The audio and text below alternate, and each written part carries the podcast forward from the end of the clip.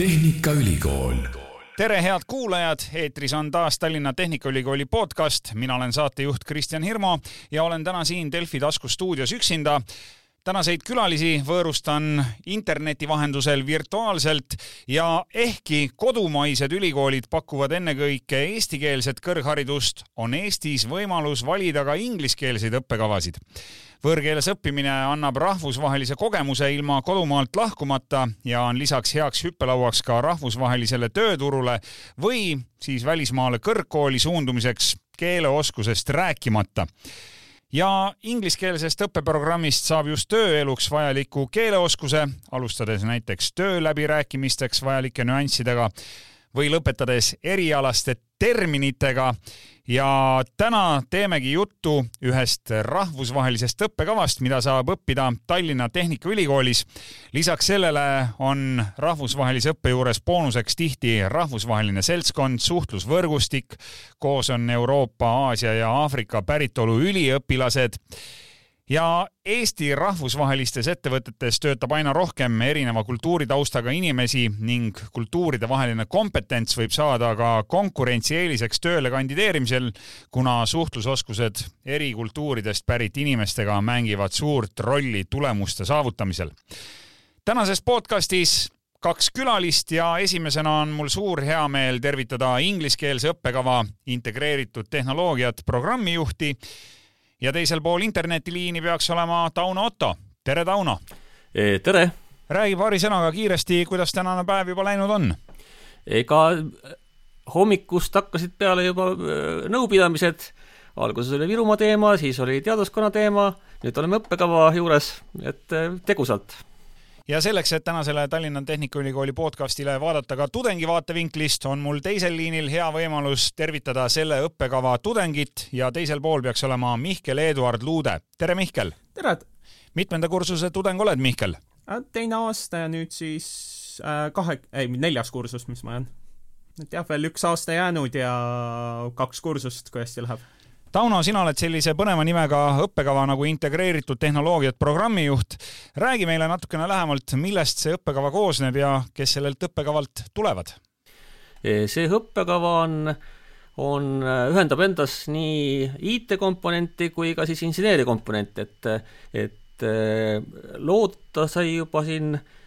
kaks tuhat neliteist võtsime vastu esimesed tudengid ja, ja mõte oligi see, et, et kuna ühiskond on digitaliseerimas, et et tuleviku insenerid vajavad äh, rohkem äh,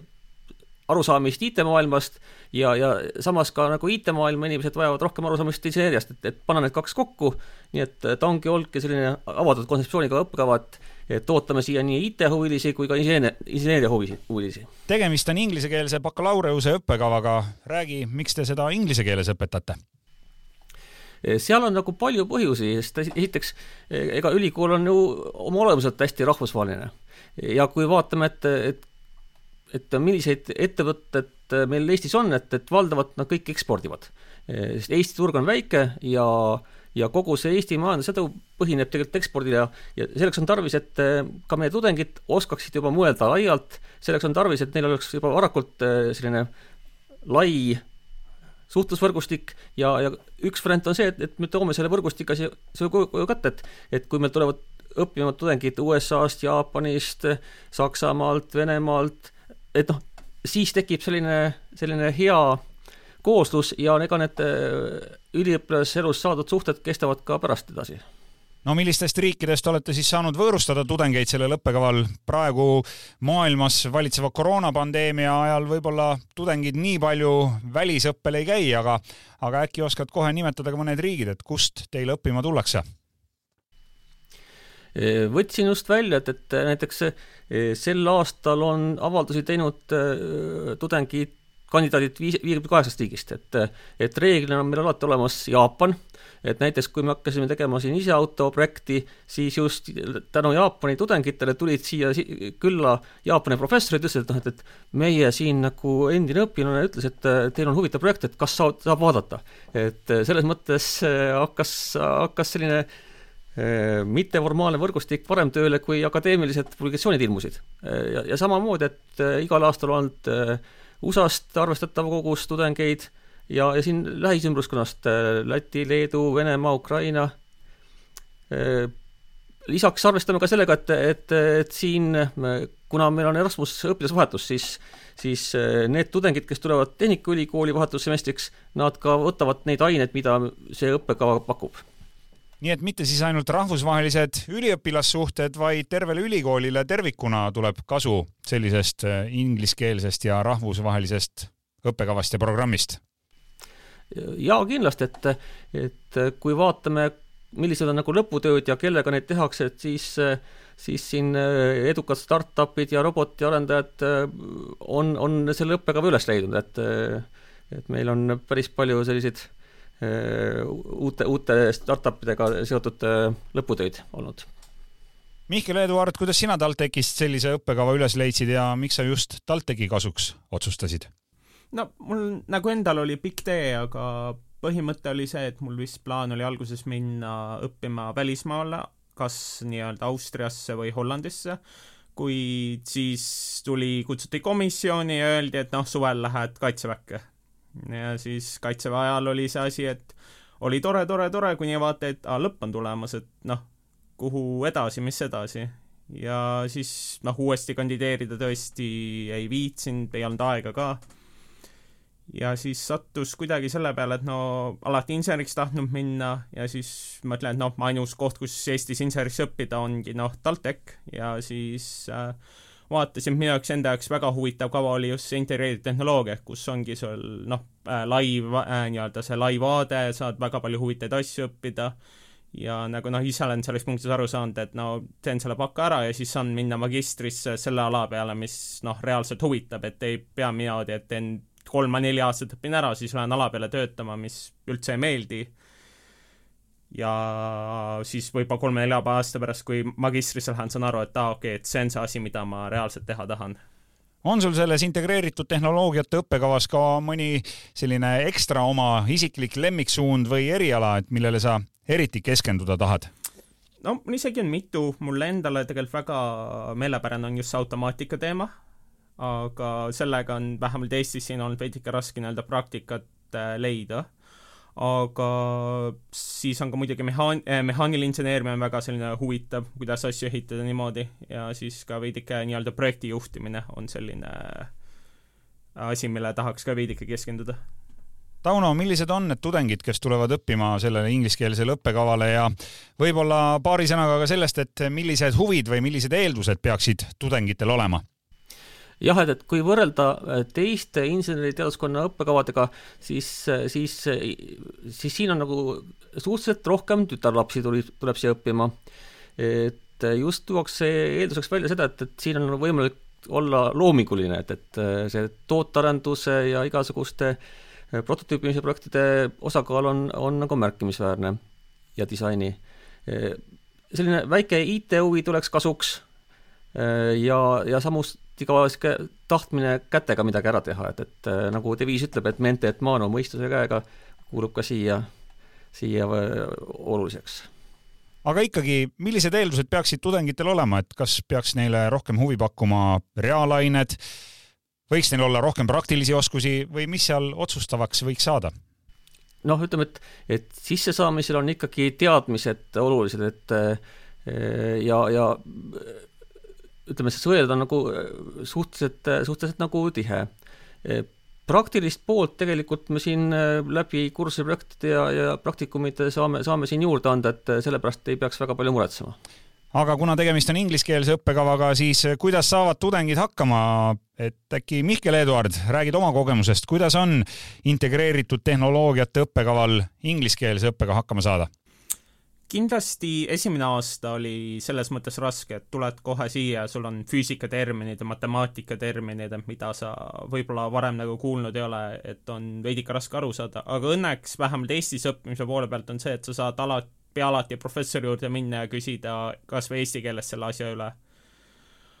või siis ka niimoodi vene keeles, et minu arust meil enamus professorid on kõik pea kolmkeelsed, et kes kõik oskavad nii eesti keelt, vene keelt kui ka inglise keelt siis Tauno, on sul omalt poolt midagi lisada, et kas tudengid jäävad teinekord hätta inglise keelega? tegelikult see, see valiku üks argument ongi juba, juba ka varasem inglise keele oskus, et et selles mõttes ega siia need ei pääse, kes, kes ei tea vajalikul tasemel ja, ja ütleks ka, et noh, et õppejõudude poole pealt, et siin me kasutame märksa rohkem neid välisõppejõude, kes siin Tehnikaülikoolis on, on tulnud uurimist tegema, et ütleks, et, et õppejõudude tase on mitmekesisem ja võib-olla ka siis huvitavam tudengitele räägime natukene nendest tehnoloogiatest ka, mida te seal omavahel integreerite, et millised on põhilised suunad, millele keskendute ja äkki, Tauno, sul on mõni reaalne näide ka elust enesest? no ütleme, et väga suur tähtsus on siin, siin digitaliseerimisel ja robotiseerimisel, et äh, meil on sellised ained ja projektid, kus on siis tudengitel võimalik äh, virtuaalselt ehitada üles äh, tootmisliin ja siis panna see ka virtuaalreaalsusesse tööle. Samuti on siin esimesel kursusel juba, juba kiirprototüüpimine, et, et luua mingist, mingist tootest või, või näiteks noh, oleme teinud siin Tehnikaülikoolile meeneid ja, ja, ja muid, muid huvitavaid tooteid, ütleme, mida, mida siis Tehnikaülikool ise on pakkunud välja teemaks välja, et, et, et on kohe võimalik proovida, et, et sul on idee, et kuidas sellest saab siis toode ja ka füüsiline toode, et ma usun, et see on huvitav kogemus. Mihkel Eduard, millised on sulle siiamaani õpingutest kõige südamelähedasemad õppeained olnud või mida tahaksid tänases podcastis siin Tallinna Tehnikaülikooli õppekavast rääkides eriti välja tuua? No mulle, mul on endal see nii raske öelda, eriti kui programmijuht on siin ja inseneer, aga tegelikult kõige huvitavam aine, mis mul enda jaoks olnud on, on kuidagi, oli intellektuaalse omandi õigus, et kuidagi see sattus nii kokku, et aine oli huvitav, õppejõud oli huvitav ja midagi sinna matemaatika vahele esimesel kursusel.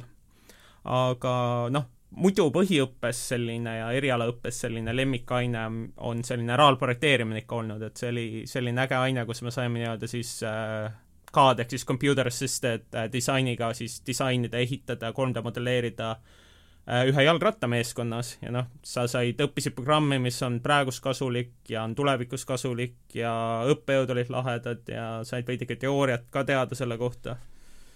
Räägi natukene sellest rahvusvahelisest seltskonnast ka, nagu programmijuht siin juba mainis, siis eh, seltskond on üsna kirju ja neid riike, kust õppima tullakse, on päris palju, et kuidas sa ise seda,